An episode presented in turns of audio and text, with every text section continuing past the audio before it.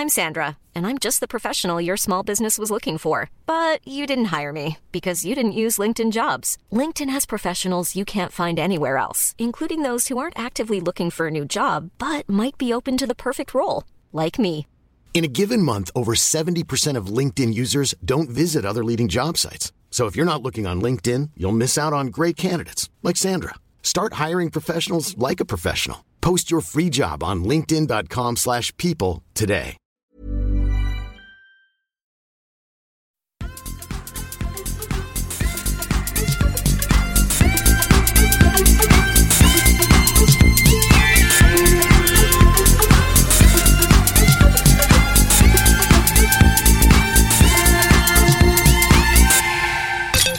Ny vecka och ytterligare ett avsnitt av er favoritpodcast Kedja ut, en podcast om discgolf. Jag heter Tommy Bäcke och jag sitter här som vanligt med Niklas Nyman. Hur mår du? Jag mår bra. Så är Niklas. Ja, tydligen. Tydligen sa du Niklas. Niklas. Niklas. Niklas. Ja. Eh, hur jag mår? Jag mår eh, alldeles utmärkt tycker jag. Det vore väl synd att klaga Mm. så här en regnig tisdag. Regnar det nu när du gick hit? Nej, nu var det uppehåll. Ja, det var ju skönt. Jag regnar konstant i 47,5 timmar nu. Ja, lite så känns det. Jaha, hur är det med Tommy Bäcke då? Jo, jag har inte så mycket att klaga på. Jag är otroligt rastlös och eh, inte ett dugg sugen på discgolf för fem öre faktiskt, om jag ska vara helt ärlig för tillfället. Det var ju tråkigt att höra. Ja, men eh, så är det ibland. Ja, så är det ibland ja. Ja, Ja. vad ska vi... Ska Du vi... säger bara att det är bra och det är skönt att det regnar.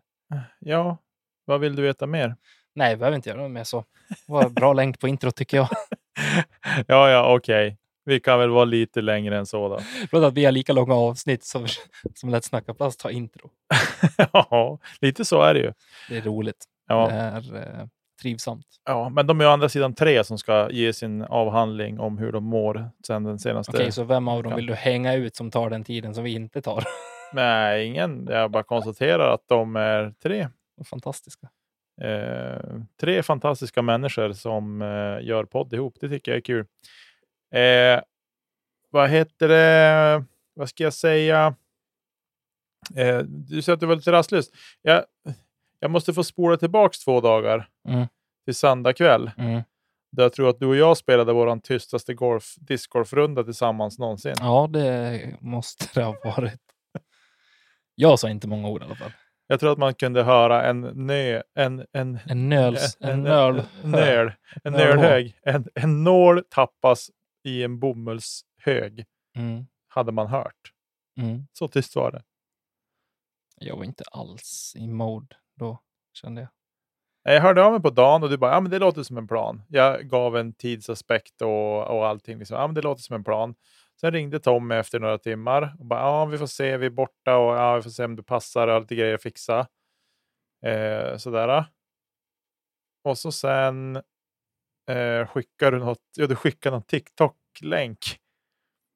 Och då skrev jag, har du tid att TikTok, har du tid att spela discgolf? Och så skickar du en, ja, en att du höll på att byta om. Ja, Ska inte säga otroligt bra vinkel måste jag säga. Ja. det var, det var jag nöjd med. Ja. Eh, och sen så efter det så, eh, ja vad hände sen? Ja men sen eh, for Toves iväg ut och spela. Och du var sjukt sammanbiten redan när du kom till mig. Men ont i huvudet och eh, jag vet inte. Vi måste jobba på vår kommunikation för då du kan säga ja, men jag har ont i huvudet, jag orkar inte. Och jag hade Fast varit jag helt fine med Jag, det. jag orkar inte, men jag ville. Ja, men jag var helt fine med Men du började bra. Men- Vi gick ut ganska per omgående. Eh, du började med tre raka birdies. Ja, Eh, och sen var, gick det lite tyngre ett tag och sen gick det bra igen. Och så, ja, så. Jag tycker ändå att du börjar diala in banan lite grann. mm. Det är några små hiccups du skulle behöva stöka bort, men jag ser ju att minus 11-12 är absolut i range. ja. Eh, borde det vara på den banan? Som du spelar i alla fall. Ja, men... Eh, ja. Alltså jag, jag tycker att den är rolig bara. Ja. Det har jag sagt också.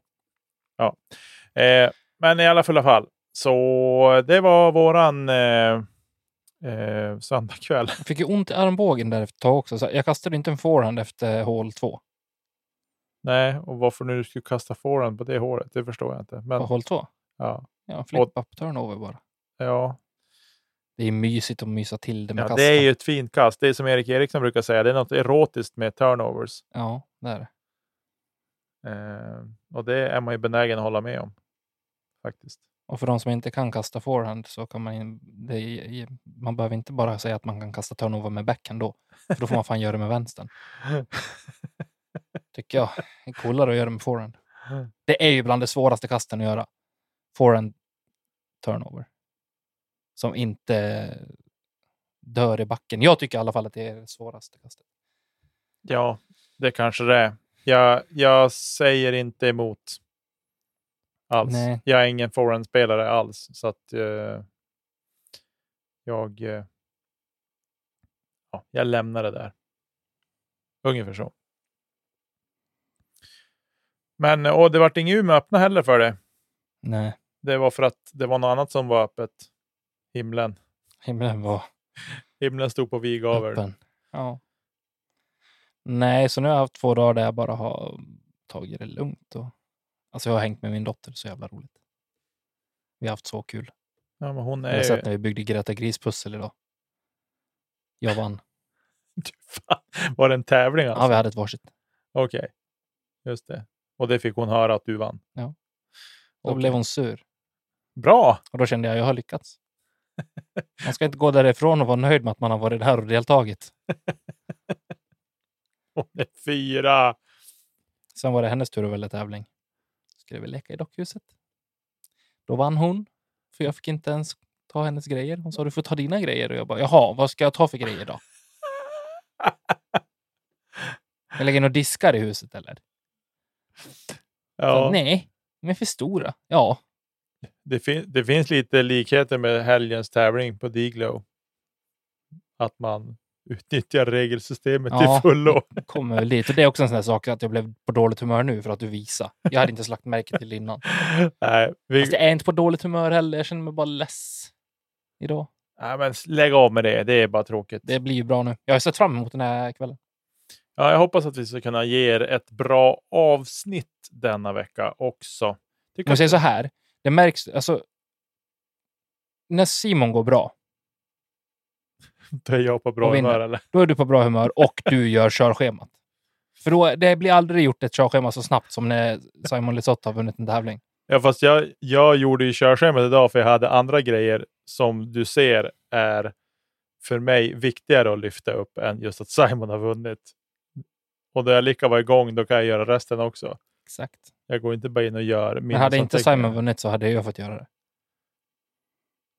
Eh, Det vet jag inte. Det tror jag. Jag gjorde inte körschemat för att Simon hade vunnit. Jag jo, gjorde... det är så det brukar vara. Det är Nej. så det kommer alltid vara. Nej, nej, jag gjorde inget körschema efter Music City Open. Jo. Nej, det gjorde jag inte. Men i alla fulla fall så eh, hade jag så mycket grejer jag har gått och burit på som jag inte har skrivit ner. Och idag kom jag på mig själv. Jag måste skriva ner det här nu. Mm. Då gjorde jag det och då tänkte jag när jag lickar inne och redigerar och skapar ett körschema, då lägger jag in det andra också som jag tänkte att vi skulle prata om. Det är toppen. Och du har ju inte opponerat dig. Nej, och grejen var så här att jag trodde att jag hade lagt in en grej, för vi har fått eh, en liten punkt från, eh, från en av våra lyssnare eh, den här veckan också, vilket är jätte, jätteroligt.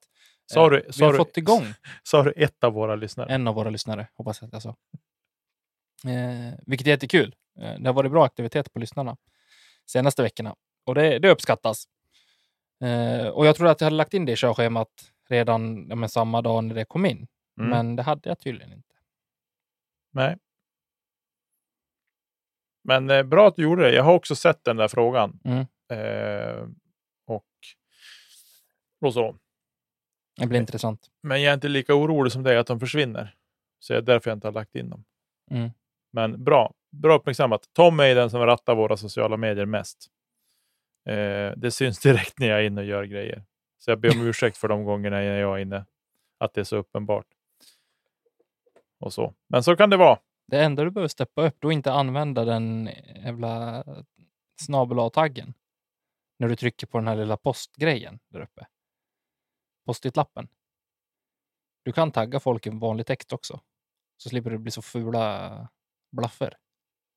Ja, nu vet jag det. Ja, gör det då.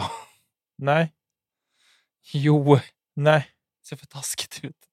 jag jobbar inte så. Säg vad ni tycker. Ja, ni alla kommer hålla med Tommy såklart. Ja, men, och då För måste man lyssna på lyssnarna. Det här samhället är skadat av sociala medier. Nu behöver inte jag gå upp oss över det. Nu känner jag att jag kan bli irriterad.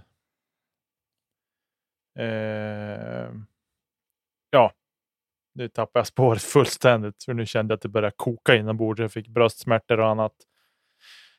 Ja, vad ska vi prata om idag då? Är vi färdiga med introsnacket? Nu har vi pratat om oss själva i tio minuter och det är, nu är jag irriterad. Ständigt om oss själva. Och det är aldrig positivt. Jo, det, innan vi hoppar ut från introt så kan jag bara säga det att 16 september så eh, är det dags för den tredje upplagan av eh, Kedja ut Special Doubles. Mm. Jakten på 1800. Japp, Det ska bli kul. Kommer spelas i eh, Sävar på Sävars discgolfbana. Och eh, länk finns till eventet finns i våran Instagram-bio. snyggt. Och det ligger även ute på Discgolf Norr. Eh, Discgolf i Umeå. Också tror jag det finns Facebook-sidor, grupper man kan gå in i. Anmälan öppnar 2 september. 2 september öppnar anmälan, så det är två veckor på sig att anmäla sig. Eh, det vet jag att ni fixar och så. Jag vet att jag redan kommer fråga om priser. Det kommer bli fina priser. Vi brukar alltid steppa upp vårt price game, så att säga. Så Mm. fina priser blir det alltid. Vi får hoppas på det. Eh, och så. Så att, eh, ja, Man kanske skulle ha köpt sig ett vitrinskåp nu. vid prisskåp. Mm. Ja.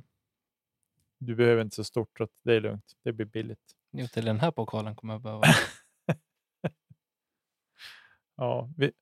Alltså fattar du drömmen Tommy? Det här vore ju drömmen.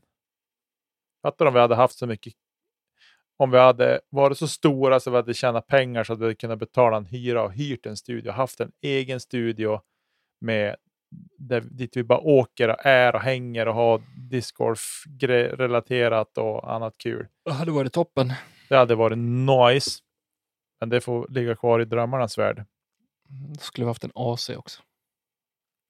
Ja, det kan jag hålla med om. Men värmekällan, den där killen det är också där. en frys. Ja, det är en frys, men det är en enorm värmekälla. Eh, den ska ut. Kanske ikväll. Du kanske får hjälpa mig. Kanske jag får. Det blir jättebra. Eh, så då kommer det att bli tyst. Ibland kanske den hörs i bakgrunden. Den brummar lite grann, men man, det finns ju olika noise cancellation och grejer som man kan använda sig av. Mhm. Eh, och brusgrind och allt sånt vad det heter. Så att eh, den hörs inte så ofta, men ibland kan den höras. Så att det ska bli gött att bli av med det där aset. Och för värmens skull också. Det är alltid orimligt varmt här inne. Eh, ja, ska vi, ska vi avrunda inför Ja, hoppa till EM. snacket och hoppa till EM? Då gör vi det. Grattis Denka till EM-guldet! Fan vad roligt! Va? Det var väl ingen som var... Alltså, no offense, men det var väl ingen som hade tänkt att vi skulle ta ett guld i NPO? Nej, Eller ens medalj? Nej, alltså jag, jag, så här, jag känner lite så här. Jag vill be om ursäkt till alla våra svenska spelare vi hade i MPO, att vi inte har trott på er. Så där, vi har väl trott att vi Ja, skulle fast vara i med fog så har vi inte riktigt haft anledning till det heller. Nej, förutom att Denka vann SM i rätt överlägsen stil också. Jo, jo. Men man kanske tänkte att en pallplats vore ju drömmen. Mhm. Alltså där har vi varit. Eh, och så. Men Denka han har hittat åt en ruggig form. Och alltså det var ju inget snack. Det var ju inget som helst snack den här tävlingen. Eh, han satte gaspedalen rätt ner i mattan i golvet, in med pjäxan i pannrummet. Många uttryck för det där redan första rundan. Och sen höll han i det. Eh, över Han de- ledde väl hela tiden? Hela tiden ledde Raka han. igenom och bara... Men det... Ja, jag vet Eller ja, det var väl någon delad Nej. där i början. Nej. Ett par hål in i tävlingen Ja, men- han var delad. Men, men efter första rundan ledde han och sen släppte han det aldrig. Eh, Vad är det han gör under den här helgen som imponerar på dig? ja, men puttningen Mm. har ju varit grym. Och det har han ju sagt själv också, att puttningen har ju suttit bra i år. Och, eh, sådär. och sen är det väl liksom att han... Ja, men discgolf är kul, discgolf ska vara kul. Och att han, ha- på något sätt så lyckas han plocka bort det allvarliga som många kanske lägger in i tävlandet Mm. så mycket. Som gör att han levererar på det sätt han gör. Eh, så att, nej, hatten av till Denka. Ja, alltså han... eh, Han vinner ju, vi ska säga så här, runda ett landar han in på minus 12. Säger så här, hans puttning var, var bra. Men det är ändå en svensk som slår han ganska rejält på, puts, på green. Och det är Linus Karlsson. Mm. Eh, han hade hot run första rundan, ledde med ett kast efter första rundan Mm. före Albert Tam. Albert Tam gick väldigt, väldigt bra. Eh, runda två gick han en minus 11 runda och då var det faktiskt. Ja, det var Bodan Bilek eller Bogdan. Vad säger man? Bo, Bodan. Bodan Bilek, inte Bogdan Bildäck. Eh, han gick minus 10, men han var ju längre ner i fältet ändå. Eh, runda tre dammar han till endast med en minus 3 runda. Så där. Och eh, ja, då var det väl liksom så. Han ledde väl med fem kast tror jag inför finalrundan. Och där dammade han till med en minus 11 runda. Och eh, det är bara Jona Heininen som går bättre än honom för dagen. Eh, om jag scrollar igenom här så tror jag att det bara, ja, det var bara han som gick bättre än honom för dagen som gick minus 12. Och Jona vart, slutade till slut på en delad tredjeplats. Eh, men eh, Dennis går minus 11. Minus 37 totalt över fyra runder. Eh, vilket ger ju ett snitt på lite mer än 9 under par. Eh, 9,25 kast under par per runda, vilket är ju imponerande. 56 procent birdies. Eh, och ja, är det är helt galet. 10 kast. Men så här, det är ren Det är utskåpning Det är utskåpning. Av de bästa spelarna i Europa. Ja. Just nu. Eller just nu. Det är de bästa spelarna i Europa. Ja. Och jag, jag förstår inte, eller jag har så svårt att ta in det. Jag hade svårt att ta in det under helgen också, för man tänker alltid liksom på de spelarna som man kanske har tänkt ska vara där uppe och slåss om det från början. Ja, men Antila till exempel, han slutar väl på en nionde plats till slut. Eh, eller sjunde plats kanske. Eh, Mauri Willman som har varit stekhet eh, på EPT hela säsongen. Eh, han kommer inte alls upp i nivå. Lauri Lettinen har ju sen som är, alltså, och de goa gubbarna från, eh, från Finland som har haft en bra säsong hela året. Mm. Jesse Nieminen som du aldrig kan räkna ut, som alltid är bra när det väl gäller. Mm. Exakt. Han gjorde i och för sig en, en run på sista, sista två rundorna där han, han plockade in lite grann. Eller han plockade in på alla utom Dennis egentligen. Mm. Precis. Nej, men så att det var nej, hatten av. Det är eh, ruggigt bra spelat av Dennis. Eh, om vi tittar då till exempel den som jag trodde skulle vara det största hotet. Eh, sådär en bit in i tävlingen var Niklas Antila. Han landade till slut på en delad sjunde plats. Han hade väl en tredje runda som inte alls var så rolig va? Eller var det andra rundan? Vi ska kolla vad han gick. Eh, ja, minus två, Ja. tredje rundan. Eh, och runda två gick han minus fem, så det var inte fy- Ja, men då var det jättedåligt. men- runda tre som han hade jobbet på. Han tar ju inte en, en bättre score på hål 1 än bogey över hela helgen eller hela Nej. veckan. Eh, och jag tycker mig att han har varit en besvikelse på green, men det har han inte om man sett statistiken. Men det var där jag tyckte att det, att det fattades lite grann. Visst, han kastade in, han, till och från så kastade han riktigt dåligt, men han är så pass bra med disken och plasten han kastar så att det, liksom, det märks inte för mig på det sättet, utan det man ser det är det han missar och då Han treputtade på ettan bland annat. Jag tror att det var runda ett. Eller runda tre. Mm. Eh, Men jag vet inte. Hur kan du få fram någon statistik? Jag skulle vilja bara spontant veta antal OB. Totalt Ja, men... course exakt. stats ska vi se. Hål. Eh. Ja, här, Denka är fyra på antalet OB-kast. Eh, Hugo Fröjdlund är den eh, svensk som är, är bättre. Han har sex OB-kast. Dennis har sju. Mm. Och i övrigt så är det så här. I topp 10 så är det Thomas Hyttinen som har ett ka- OB-kast mer. I övrigt så är då, då kastar de för mycket OB. Mm. Ja, men ta Jonas som är trea till exempel och så nämnda Antila. De har 12 OB-kast var. Det är fyra per, eller tre per runda. Mm. Eh, och det är ju per automatik minst tre kast som försvinner där och det är lite för mycket. Eh, och ja, det är där han separerar sig ordentligt också, Mm. tycker jag. Eh, men som sagt, 56 procent birdies eh, är ju otroligt imponerande. 7 procent boogies. Bland de lägre där också. Det är eh, Albert Tam som är något bättre. Jag tror till och med att det kan ha varit någon mer, men jag är inte helt hundra. Ja, det verkar som att det är han som är bättre bara av dem jag kan se. Eh, så. Men eh, nej, Dennis var, var påslagen, red vidare på formen från SM. Och eh, ja, det ska bli spännande att se vad som, hur det kommer gå. Eller om det är liksom så här. Jag hoppas ju inte att det är bara liksom en kometgrej. Att han toppade i år och sen planar ut. Utan jag hoppas att han har toppat och så att han får åka över till USA, spela USDGC. Och jag tycker att PDGA ska ge honom en fribiljett in till VM också. Eh, jag vet inte hur Ja, det där det- funkar, men jag tycker att det borde vara. Alltså jag tycker så. Det är, det är på riktigt helt sjukt om du inte får en plats på VM om du vinner EM. Det är liksom en PDG, alltså det är ju sjukt. Det skiter väl USA i. Jo, men De bryr sig inte för det. Worlds är Worlds. Och jag tycker att han borde få en plats dit.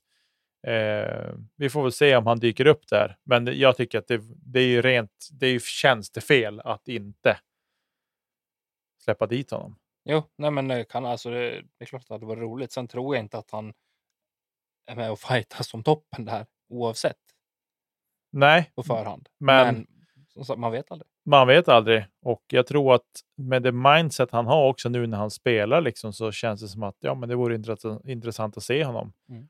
där. Eh, vi får väl se honom på USDGC oavsett. Eh, Innova får ju bara steppa upp och se till att han tar sig dit, att han får hjälp med den ekonomiska biten. Och så också, tycker jag. Ja, och det är väl en liten fråga. Ska vi fortsätta på den lyssnarfrågan som vi fick? För det handlar lite grann om det. Eh, Nej, men jag tänker vi tar den sen. Ska vi ta den sen? Ja, vi tar den tillbaka? sen. Då kan vi Okej. hoppa tillbaka till att prata kring det här. Mm. Eh, så. Eh, Då vill jag bara veta, vem var besvikelsen? Ska, vi, ska du lägga den på Antila eller är det någon annan som har varit ja, men, riktigt kass? lite så här, Antila, Väinö Mäkelä och Jakob Semmerad är väl, är väl tre... Mäkel har väl inte vunnit en tävling sedan han var 12? Ja, men det är tre spelare som jag känner så här, att ja, men de borde vara lite... Alltså de är i topp 10, eh, men jag tycker att de kanske underpresterar lite grann. Eh, Henrik Hagman har haft en tung helg av någon anledning.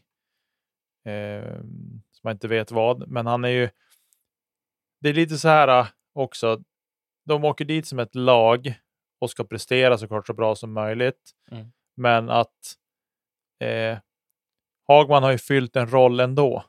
Liksom, även, om han, in, även om han inte på banan har presterat. Han är liksom en av de mer rutinerade spelarna vi har och kan vara där som ett stöd. Man hade en tung start, liksom kanske ganska snabbt in i tävlingen, inser eh, att ja, men jag kommer inte vara med och slåss i toppen. Ja, men då fokusera på att ja, men såklart spela så bra discgolf som möjligt, men även liksom pusha och, och peppa de andra och vara ett bra stöd för dem också.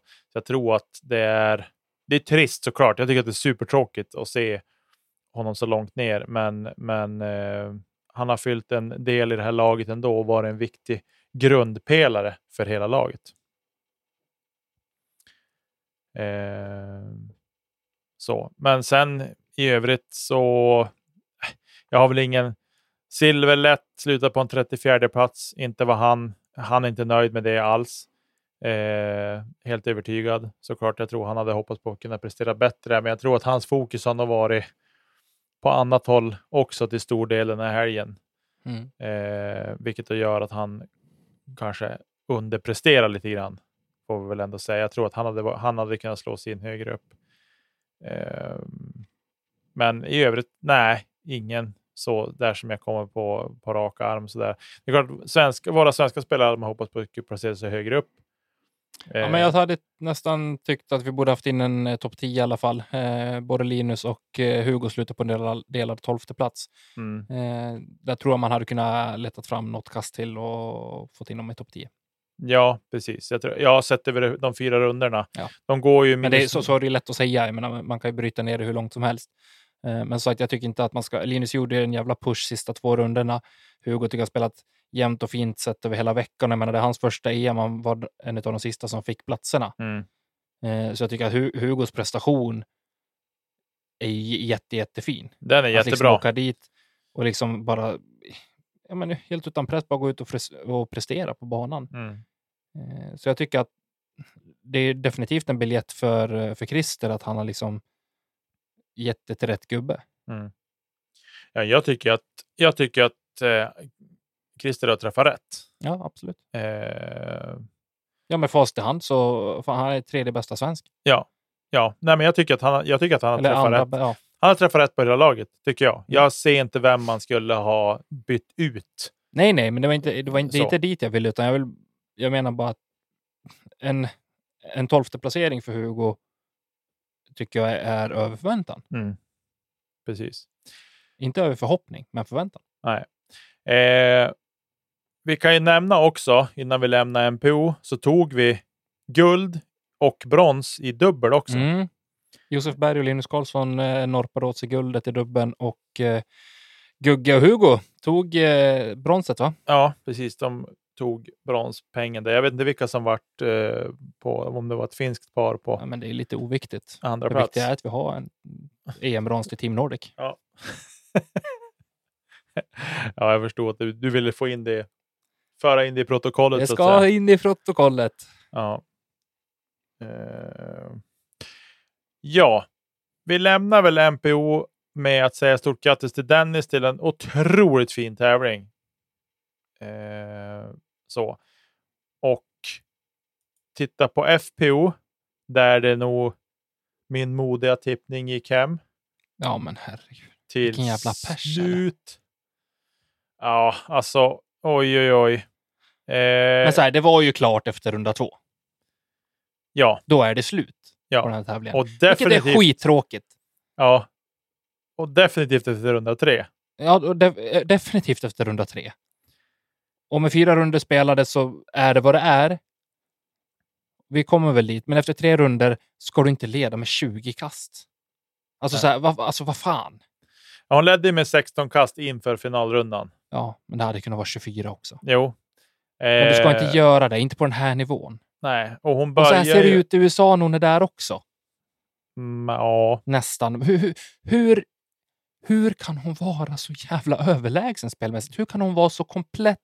Kristin Tatar är det vi pratar om, om det är någon som undrar och har missat den biten.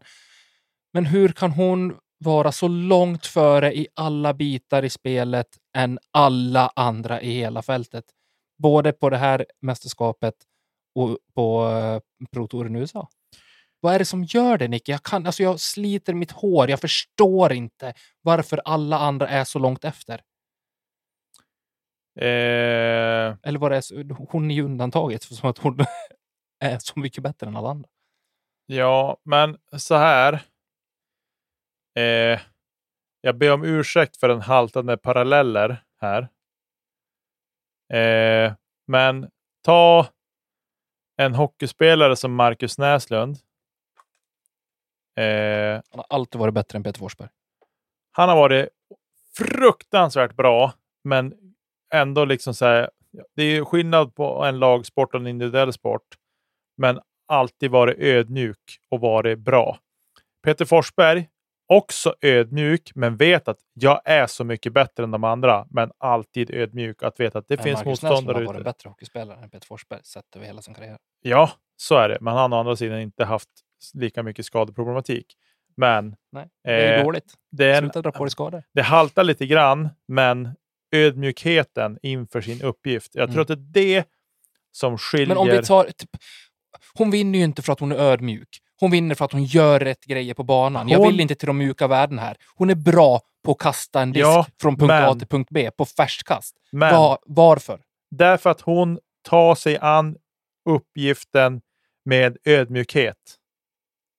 Därav. 100 Men procent. det finns ju hur många ödmjuka spelare där ute som helst. Ja, men de har inte det attack mode som hon har. Nej, och det är lite dit jag vill. Men vad, vad är det i hennes spel som är så mycket bättre? Hon träffar linjerna. det, Nu börjar vi närma oss svaret jag tänker ge. vad tänker du ge för svar? Att hon håller sig fan i en bounce. Alltså. Hon kastar ju inte OB. Hon spelar... Hon har högst fairway hits i hela världen. Säger jag bara rakt ut utan att ha dubbelkollat någonting. Du kan inte kolla på runda fyra på, på Sex, sex OBs. Hon kastar aldrig OB. Nej, men sätter vi hela säsongen vi på. Och man vi har jag har lämnat EM lite grann. Men det som gör så att hon är så pass bra som hon är, det dels att hon håller sig på fairway. Hon, hon har en magisk kraft, vilket gör att hon kan värdera vilken typ av kast i vilka lägen hon ska utföra.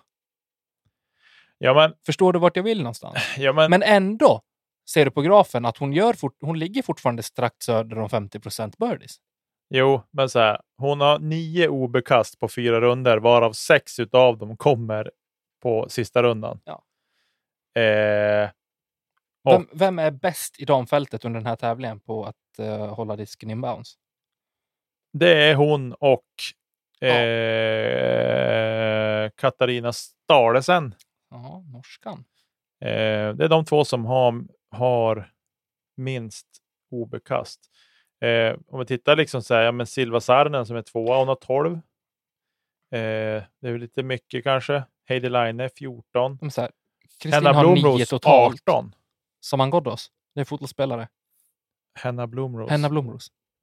Eh, Det är glapp i mickkontakten här. Nu hör jag båda hade, hade 18 kast. Så det är liksom så här, det är en, en eh, stor spridning på, på. Och det, det räcker ju inte.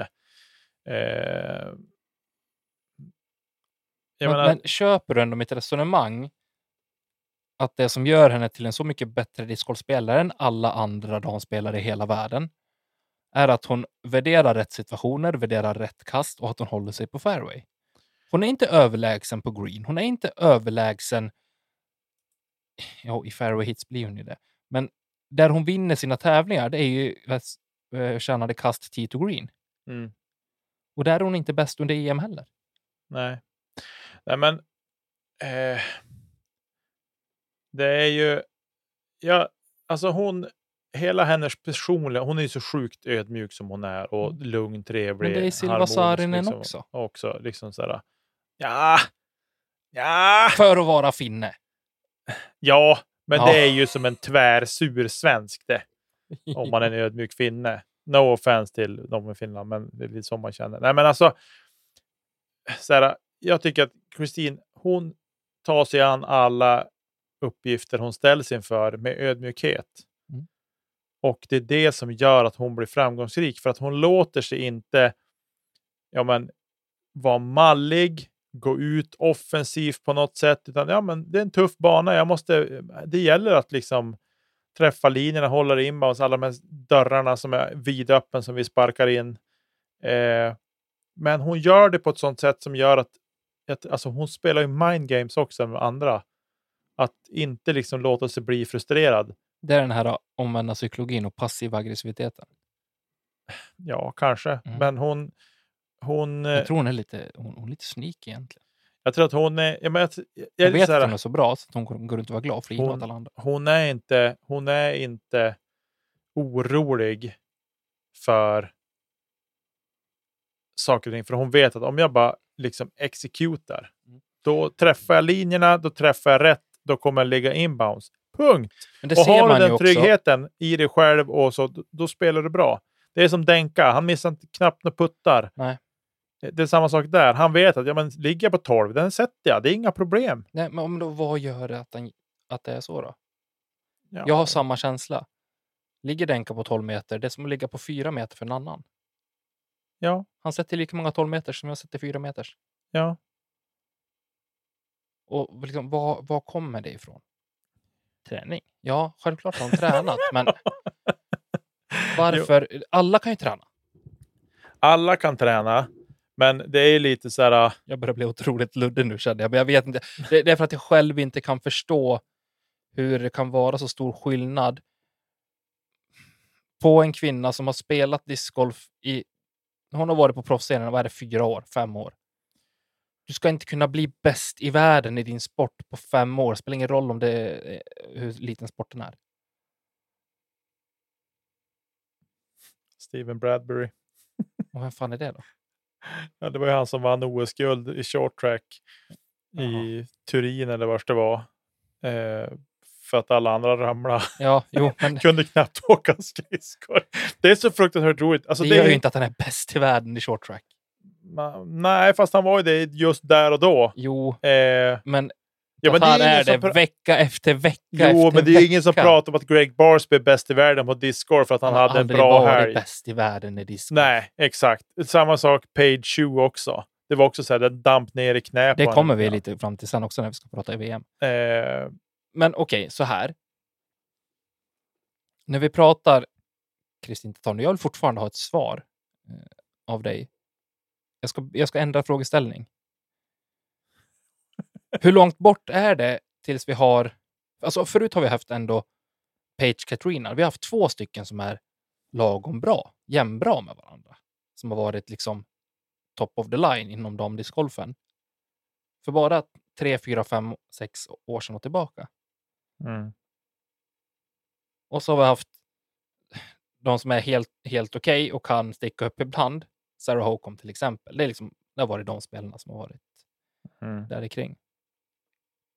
Det har sett likadant ut på här sidan Mm. i mångt och mycket från 2013 och framåt. Mm.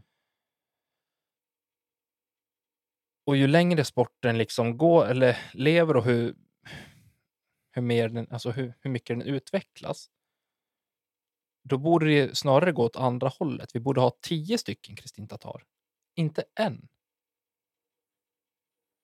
Det ser du på här sidan i alla fall. Ja, Hur kan en tjej från Pernu gå och bli så jävla bra på discgolf? ja, men jag tror så här.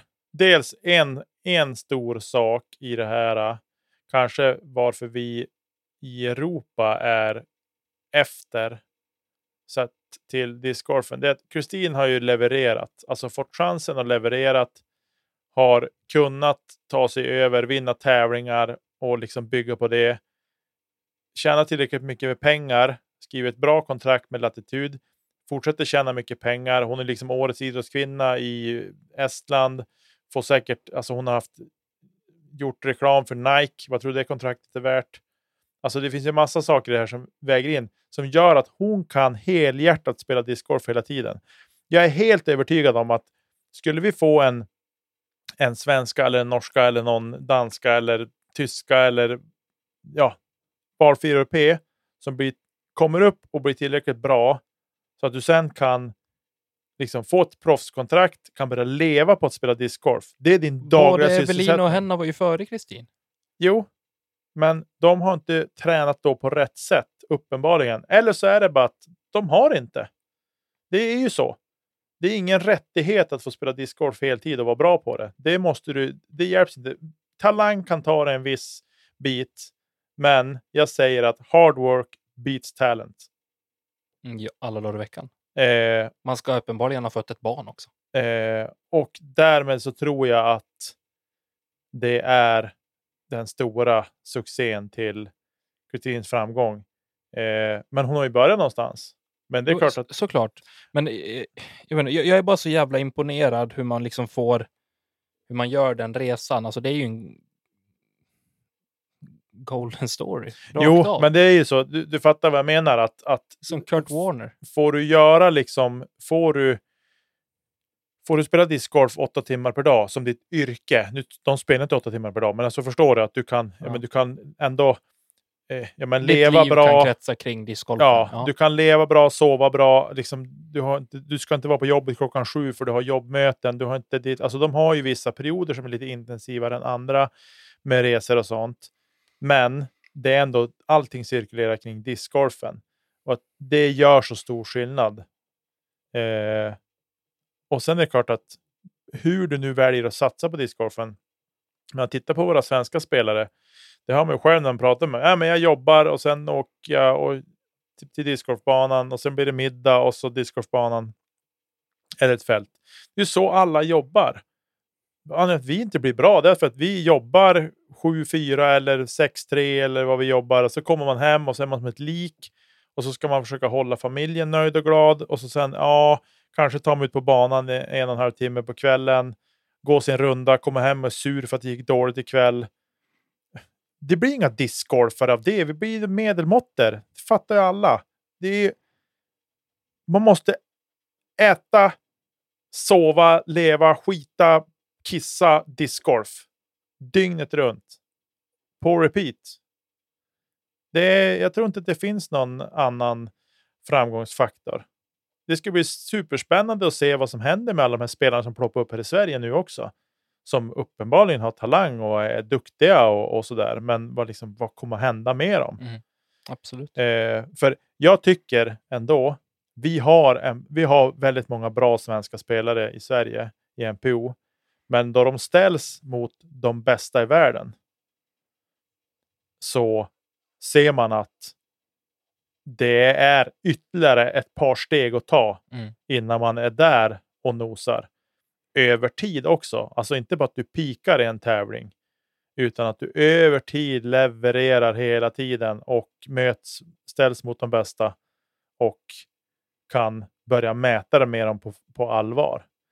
Eh, och det är det som jag tror är hela grejen. Att det måste bli en utveckling för svenska spelare att de får ordentliga kontrakt så att de kan åka över och tävla i USA och liksom leva discgolf. Det är det som krävs. Jag är så sjukt imponerad över den här resan som Josef Berg gör nu. Mm. Liksom säljer Ja, läggan, säger upp läggan, säljer bohaget, tar med sig sin fru, åker ut i Europa, åker liksom och torar runt i en husbil.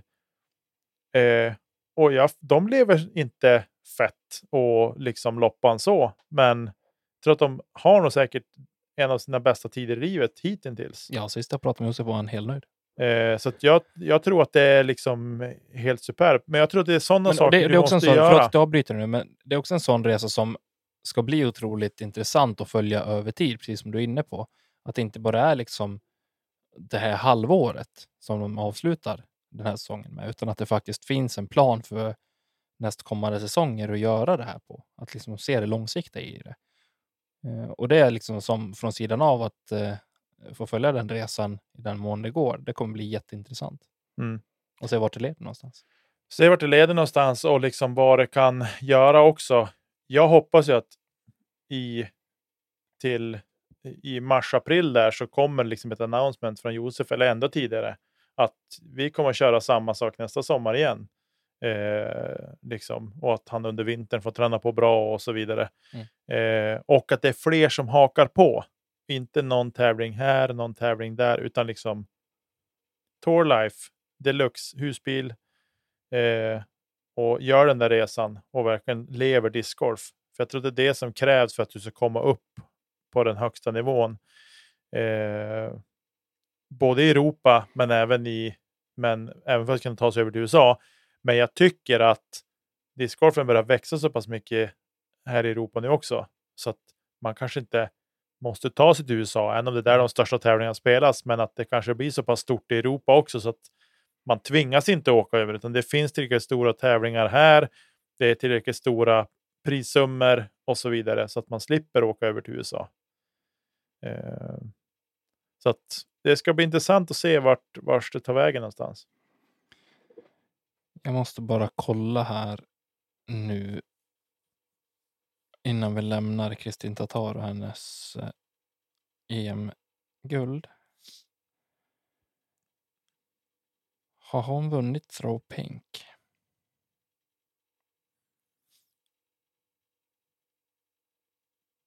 Det vet jag inte. Men det här var väl den sista hon hade att checka av tyckte jag hon sa. Eller skrev i sitt meddelande. Att det här, eller det här var en av de stora som hon ville ha. Verkligen ville ha. Mm. Hon spelade inte throw pink senast. Det gick av sig. Och inte året innan heller. I övrigt har hon väl vunnit allting. Mm. Precis. Men hon är ju, hon är ju världens bästa discgolfare på damsidan just nu. Mm. Eh, och så. Eh, I vilket fall så var det en otroligt känslosam Kristin som eh, redan efter driven på hål 18 där på sista rundan när hon såg att den landade inbounds. Hon landade lite lång på korg. Eh, så satte hon sig ner på en bänk där och då gick det upp för henne att hon kommer att fixa det där. Eh, det vart ju spännande. Hon gick ju ingen fantastisk finalrunda om vi säger så. Eh, hon började med en birdie, men sen så föll det sönder och samman. Hon tog en dubbelbogey, eller en trippelbogey på hål två. Eh, tog hon två birdies sen, men sen kom det ett bogeytåg av rang.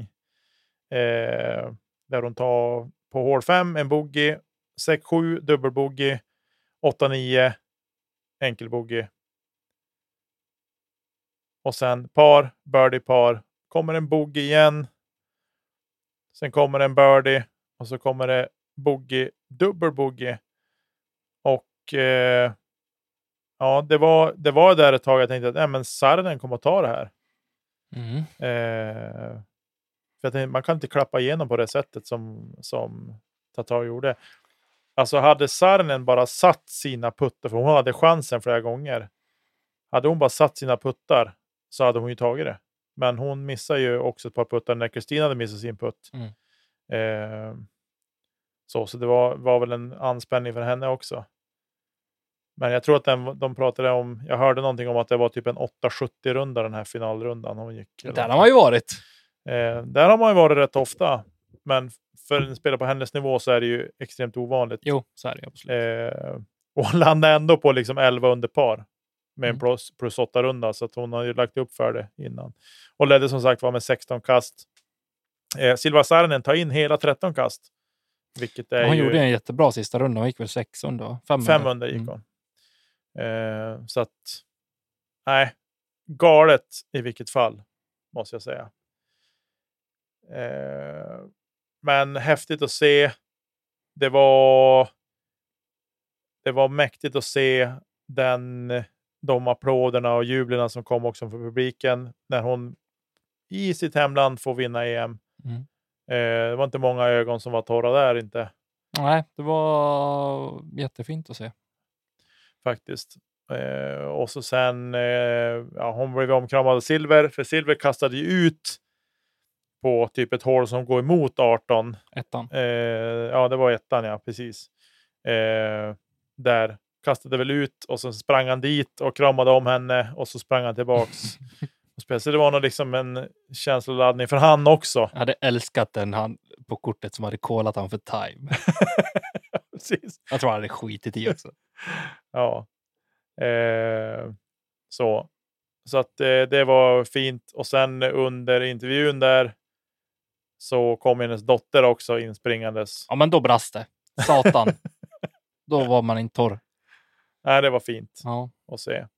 Eh, så jag tror att jag tror nog att eh, det kom en Instagram-post idag av Kristin där hon skriver att hon kände inte igen sig själv. Alltså det kändes som att hon tittade på sig själv i, lite från sidan om liksom, Mm. och kände inte kroppen och ingenting som stämde riktigt. Eh, och det är klart att när du har EM som ditt stora mål att vinna, att det är liksom, jag har inte vunnit det tidigare, jag vill verkligen vinna det. Och sen håller den på att rinna ur händerna för att du själv spelar usel discgolf bitvis.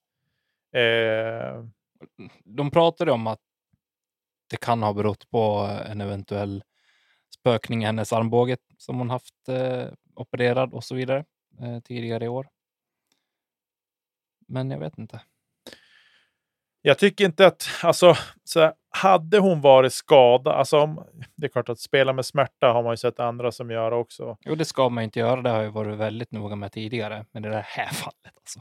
Eh, Om man inte överväger att fortsätta i alla fall, vilket hon gjorde. hon gjorde ju det för att hon verkligen ville vinna. Eh, men jag tycker inte att man såg så mycket sådär. Man tycker att har du, har du rejält ont i armbågen så grimaserar du ju, för det blir ju en, en redig utveckling för armbågen liksom, i snärten. Jo, och, så är det ju. sådär. Men jag tycker man såg inga sådana miner på henne, utan mer alltså att hon var sammanbiten och frustrerad över att det inte stämde. Eh, så att, och det är klart att hon kommer inte att hinta någonting om hon är skadad inför VM. Men jag tror att hon hade tejpat armen med vad heter kinesitejp, Kinesiotejp. kinesiotejp. Mm, som för övrigt är skitsnack och inte funkar. Det ser bara snyggt ut. Eh, så, och det är väl då spekulationen drog igång också. Hon spelar långärmat. Ja, men hon har haft tejpat hela tiden. Ja. Eh, så att, ja, vi får väl se om det blir något VM eller inte. Jag hoppas att hon åker dit, för att jag vill att hon ska vinna VM igen. Mm. Eh, så. Det blir verkligen en Grand Slam om hon lyckas med det. Ja, jag tänker också så här, tänk om hon inte åker dit. Vem är då contender till VM? Då känns det Precis, för det var hit jag ville komma lite grann. För du har Paige Pierce som inte kommer att spela nej, hon kommer VM. inte att spela. Och sen har vi en Katrina Allen som är totalt under isen just nu. Mm, 25 förra veckan, 28 den här veckan. mm, I ett fält där varken Kristin Tatar eller Paige Pierce finns med. mm. Eller finskorna. Vad sa du? Eller, Eller finskorna, som Nej, kan här- vara bra. Ja, va- vart står vi då? Ja, och Kommer dess- Evelina Salonen helt plötsligt börja hitta kedjor på green? Ja, då ser det riktigt bra ut. För under EM så är hon fortfarande den som är överlägset bäst T2 green. mm. Men dryga 60 prollar i cirkeln. Ah, det duger som inte Nej, det nivån. duger inte då. Eh, och betänk då att nu i helgen så vann On Scoggins som har varit där uppe i många tävlingar nu. Men hon tog ändå sin första DG, eller Jo, Elite Series, Elite eh, Series. tävling. Det är häftigt. intressant, men hon har ju varit där och petat många gånger nu och varit liksom på pallen och sådär. Och det känns så här, ja, varför ska inte hon kunna ta hem det? Vilket vore helt galet om inte Kristin är på plats. Mm. Eh, Det är också så här, om inte Kristin är på plats. Ja. Eh, men intressant. vad hon är. Alltså det spelar ingen roll. Om, om vi nu tar VM, Kristina åker inte dit. Varken hon eller Page är där. Mm. Eh, Katrina är dålig. Då har vi chansen på att vi kan få en ny världsmästare om inte Sarah Hokom tar det, för hon har väl en VM-titel sedan tidigare. Tror du inte att Page Shoe skulle kliva upp nu? Och vara bröstaren där. Jag har gjort det här förr, jag vet hur man gör. Kolla Nej. er tjejer. Nej, jag pallar inte med. Eller? Men så här, Eller? ja, då kanske masterspelaren On Scoggins kliver fram och vinner VM. Mm. Inget ont om On, men jag tycker att hon ska inte vara så bra för att vinna ett VM i FPO. Uppenbarligen är hon det, men Ja. tycker att det borde finnas andra som skulle kunna steppa upp och vinna för henne. Men hon är grymt bra. Eh, så att kul för henne om hon vinner. Det vore ju också en Grand Slam. Hon har ju vunnit Masters VM två år i rad. Två. Så det vore häftigt att toppa det med en FPO-VM också. Eh, pallen då i EM för FPO, där har vi Kristina Tar högst upp, Silva Saarinen tvåa, Evelia Sal- Salonen trea, eh, Heidi Line fyra. Det är ingen pallplats. Eh, men det är ingen pallplats. Vi hittar Hanna Jansson och Jenny Larsson spelade finalrundan. Hanna slutar på en trettonde plats till slut och Jenny Larsson på en delad sextonde plats. Eh, Men det är så här. Alltså, första två rundorna så är ju han ändå med där. Mm. Som var över min förväntan resultatmässigt. Ja. Sen kommer några jobbiga hål. Det är tufft att plocka igen på en sån typ av bana. Men ja, är det inte någonstans där, alltså 10, 12, 13? Jag tycker inte att, jag tycker inte att, att någon av dem har, har uh, underpresterat. Tror du att du får det svaret om du frågar dem själv? Det är klart att de kommer att tycka att de har underpresterat. Det tycker nog alla. Förutom Kristin då som vann. men alltså, ja men förstå mig rätt. Ja, nej men absolut. Utifrån Mm. så tycker jag inte att de har underpresterat. Sen vet jag att de är frustrerade bägge två. Att ja, men när du tappar kast så då är det tufft att ta igen det på den här Mm. banan. Köper det till 100 procent. Eh, så att, men jag tycker ändå liksom att, att det är en, ett bra resultat. Klart att man ville haft in dem på topp 10, men Jo, men och sen tror jag att jag ägnar nog mest sympati åt Amanda den här tävlingen. Eh, det måste vara frustrerande att komma från ett eh, SM-guld och en jättestabil och fin tävling på Ale och sen eh, inte lyckas klara katten. Sen vet jag inte om det är något annat som har spökat för henne. Men Nej, men en uttagen sent bakfylla. också.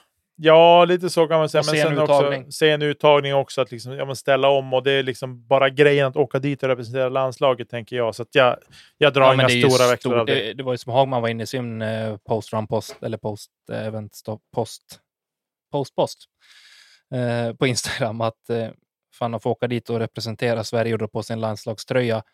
Det här görs ju inte, ja, men typ USA eller Nordamerika blir det med där du faktiskt får representera ditt land i första hand. Nej, det gör ju de på President Cup. Ja, och det tycker de är skitcoolt. Mm. Eh, Men jag tycker att det är jättehäftigt att man lägger fram det så också. Eh, vi, pratar mycket lagsporter ibland och liksom säger att vi, vi saknar stora delar i, inom lagsporten och det här är det närmsta vi kommer kanske i, inom discgolfen. Eh, och då är den stoltheten jätte, jätteviktig. Så är det. 100 procent. Jag håller med dig till fullo. Eh, ja, vi lämnar väl det därhän, tänker jag. Vi kan kasta Snabbt oss- ta Junis, eh, det var väl inte så mycket att ta därifrån. Vi har bäste svensk eh, på killsidan. Eh, Ville Parpala slutade delad sexa. Han ledde efter första varvet. Jättefin första runda. Hjalmar hittar vi på en 17 plats. Elliot på en 19 plats. Sam Sonnerfeldt slutar delad 24 och Axel Wernborg på en 30 plats. Mm. Du har fått med alla va? Japp. Eh, På de sidan så hittar vi eh, vår enda svenska deltagare Julia Backlund på en 11 plats. Precis så. Eh, och här, ja, jag vet inte om vi ska säga så mycket här. Vi har inte sett så mycket från dem alls. Eh, Nej, det har inte varit någon, någon livesändning ifrån det så vitt jag vet. honorable mention till Ida Emily Ness som tar en eh, andra plats där. Mm. Men kanske behöver nämna Lida Lehtomäki lite högre eftersom att hon vinner så pass stort som hon gör. Ja, hon vinner med 11 kast till slut och det är ju imponerande eh, i sig. Mm. och så. Eh, så vi lämnar EM därhän och eh, Åtminstone halvvägs. halvvägs, ja, precis. Eh, vi har även eh, tittat mycket på discgolf. I alla fall jag har tittat ganska mycket från eh, Milford, Kensington, Tobogan, Mm. Discraft Great Lakes Open har gått av stapeln i helgen. Det var så roligt när, du ring, eller när jag ringde dig i, var det i fredags? Nej, torsdags var det. Jag var på väg hem från någonstans och du bara, "Åh, vad fan, den här banan spelade de ju för två veckor sedan. Jag bara, nej. Ja, Och du blandade ihop den med eh, Ledgestone tror jag. ja, någon bana i alla fall. Och så var det folk som var sprang omkring i Ledgestone-tröjor också och staffen där, så jag fick inte... Det var, det var, ja, det var rörigt. Eh, jag tänker att vi börjar med FPO här. Jag har inte sett så mycket av FPO alls. Jag har säga. inte sett en eh, pixel, om jag ska vara helt ärlig, från FPO. Eh, Jag kollar inte på FPO när inte Kristin spelar. Nej. Eller eh, någon annan europé, vilket det gjordes den här gången. Vi hade ju faktiskt en eh, norska på plats som inte var med och spelade VM. Eller EM. Nej, Eh, precis. Lykke Lorentzen. Lykke Lorentzen, hon valde att spela här istället. Spelade Och bra låg- första rundan, riktigt bra. Precis, spelade Men väldigt klappade bra. igenom totalt sen som vilken norska som helst. Ja, men norrbaggarna ska inte få mer. Nej, hon gick ju faktiskt första rundan gick hon minus fyra. Eh, var väl på, gick väl lead card andra rundan tror jag. Till och med. Men där gick hon plus två, hade en lite tuffare runda. Eh, runda tre så gick Lycke på plus ett. Vart väl lite bättre då. Men sen då Då finalrundan. hade de så... väl hot round tror jag också. För hon och Bradley hade hot round. Eller nej, det här kanske var förra tävlingen. Det här var på Idlewild. Sorry. Ja. Eh, samma runda. Och sen finalrundan så landade hon på plus åtta och det gör att hon landade totalt på plus sju. Mm. Så att hon var nog inte helt nöjd. Och jag vet att hon, jag såg någon post hon hade skrivit på Instagram att hon var, tyckte att det var jobbigt när man klappar igenom totalt och man har ingen lösning på det. Nej, tidigare nämnda. Exakt. Tidigare nämnda Page Shoe landar in på en femtonde plats. Ja, men du ser, det är häng på VM-guld. Det är häng på VM-guld. Eh, Ge On henne två veckor är hon där. Precis. On Scoggins och Ella Hansen var väl det det skulle stå emellan. Eh, Ella Hansen gör en fin sista runda, minus åtta. Och det är väl hot round för dagen. Hon tar väl tre kast på sista hålet också, så det var väl större utskåpning än vad det kanske var. Ja, två kast tar hon på sista hålet. Eh, så On Scoggins landar på minus 25 totalt och Ella Hansen minus 23. På tredje plats hittar vi Cat Merch. Eh, men hon är hela fem kast efter Ella Hansen och, och åtta kast efter Mm. On Scoggins. Nej, sju kast blir det. Eh, ja, det var pallen i FPO. Ja, men stor överraskning att eh, On faktiskt tar det. Eh, det är inte en bana som kanske spelar till hennes eh, fördelar heller. Nej, utan eh, nej, eh, stark prestation. jag är inte förvånad att vi hittar Ella där uppe. Nej, är absolut. Hon ska ju vara där. Holland Henley också, hon kommer fyra. Eh, och du säger också att det är, en, det är en bana som kräver sin kastlängd om vi säger så. Och Jennifer Allen sexa till exempel, är ju en, en, hon har ju världsrekordet för FPO. Mm. Vet vi. Eh, så, så det är en långkastarbana det här. Men On vinner som sagt sin första Elite Series. Mm. Eh, lite otippat att det har tagit så lång tid, men ja, så kan det vara ibland. Vi hoppar över på MPO. Nu är du inte ledsen. Nu är nej, jag mår så gott. eh, nej, men en, en, alltså den här banan är ju speciell. Kanske inte, det är ju inte den roligaste banan på touren. Nej, fast ändå en av dem. ja, Det är ju en riktigt bra bana. det är ju en, den är, det är en bra discgolfbana. Jag hade ju hatat att spela den. Men att se på den så fantastiskt. Precis, vi gnällde ju att gå upp och ner på Wasteland. Ja, men alltså, Och det här är ju-. Den här är ju Wasteland på, på uppåt Chuck och droger och Belgian Blue blod. Mm. Men det är också roligt att de spelar första typ sex hålen på en timme och sen är rundan fem timmar till. Ja, precis. Eh, ja, vad ska vi säga? Var ska vi börja någonstans riktigt? Nej, men man är väl glad att hitta Ricky Wysocki långt ner i listan. Måste jag säga. Det är du glad över? Ja, han förtjänar inte att vinna något mer. Nej. Har han gjort det i något? Nej, han, han är bara sig Ja. själv. Han tittar, i snett, han, tittar, Skoja! han tittar snett på dig. Han kommer ju gå och vinna VM sen, så det är ju skitsamma. Ja. Eh, Idlewild hade Colredalen en liten baksmälla får vi ändå säga. Det gick Det lite han. för tungt för honom där. Men han, för då var han också frustrerad. Alltså Mm. rent Ja, men det, och så ser man... fysiskt. Han, han gick omkring och muttrade, han kommenterade. Han var liksom verbal. Ja. Eh, han var lite för mycket Nyman Bäcke. Kanske Ja, men det, det är väl en bra stämpel att sätta på det, måste jag ändå säga. Men han var också... Han är inte jätte-off i sin kastning på Idlewild. Men där räcker det att du är lite off. ja, det behövdes till lilla. Ja. Eh, så. Och så. då, då håller det inte när alla andra är påslagna och, eh, och där. Precis, så han var väldigt frustrerad där. Men han glider in på en delad tredjeplats tillsammans med Chris Dickerson. Ja. Ska jag säga. Eh, Calvin Heimer gjorde ju en ruskig push där och eh, hade ju... Eh, jag fattar inte det här. Han låg lika med Lisotte. Eller ja, ja precis, Lisotte. Eh, ett bra tag in i sista rundan. Precis, han gjorde ju två Eagles också, ska vi säga. under Throwins över 250 feet va? Ja, vi ska se vad de har gett honom för 91 meter och 85 meter. Mm. Har han fått som throwing distance. Det var ju det var på riktigt. Det var inte så att han puttade i dem. Med lite hjälp av Löven. Ja, det var faktiskt helt sjukt.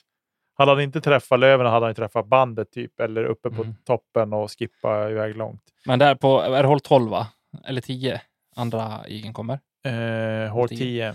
Samma hål där gör ju Kevin Jones den sjukaste forehand-rollen jag någonsin har sett. Ja, den var ruggig Upp för faktiskt. backen och bara, sån jävla känsla i stabiliteten i disken så det är läskigt alltså. Lägger sig tre lång liksom. Jag är lite ledsen eh, att han eh, trillar av pallen och ännu mer ledsen att han faktiskt inte vinner.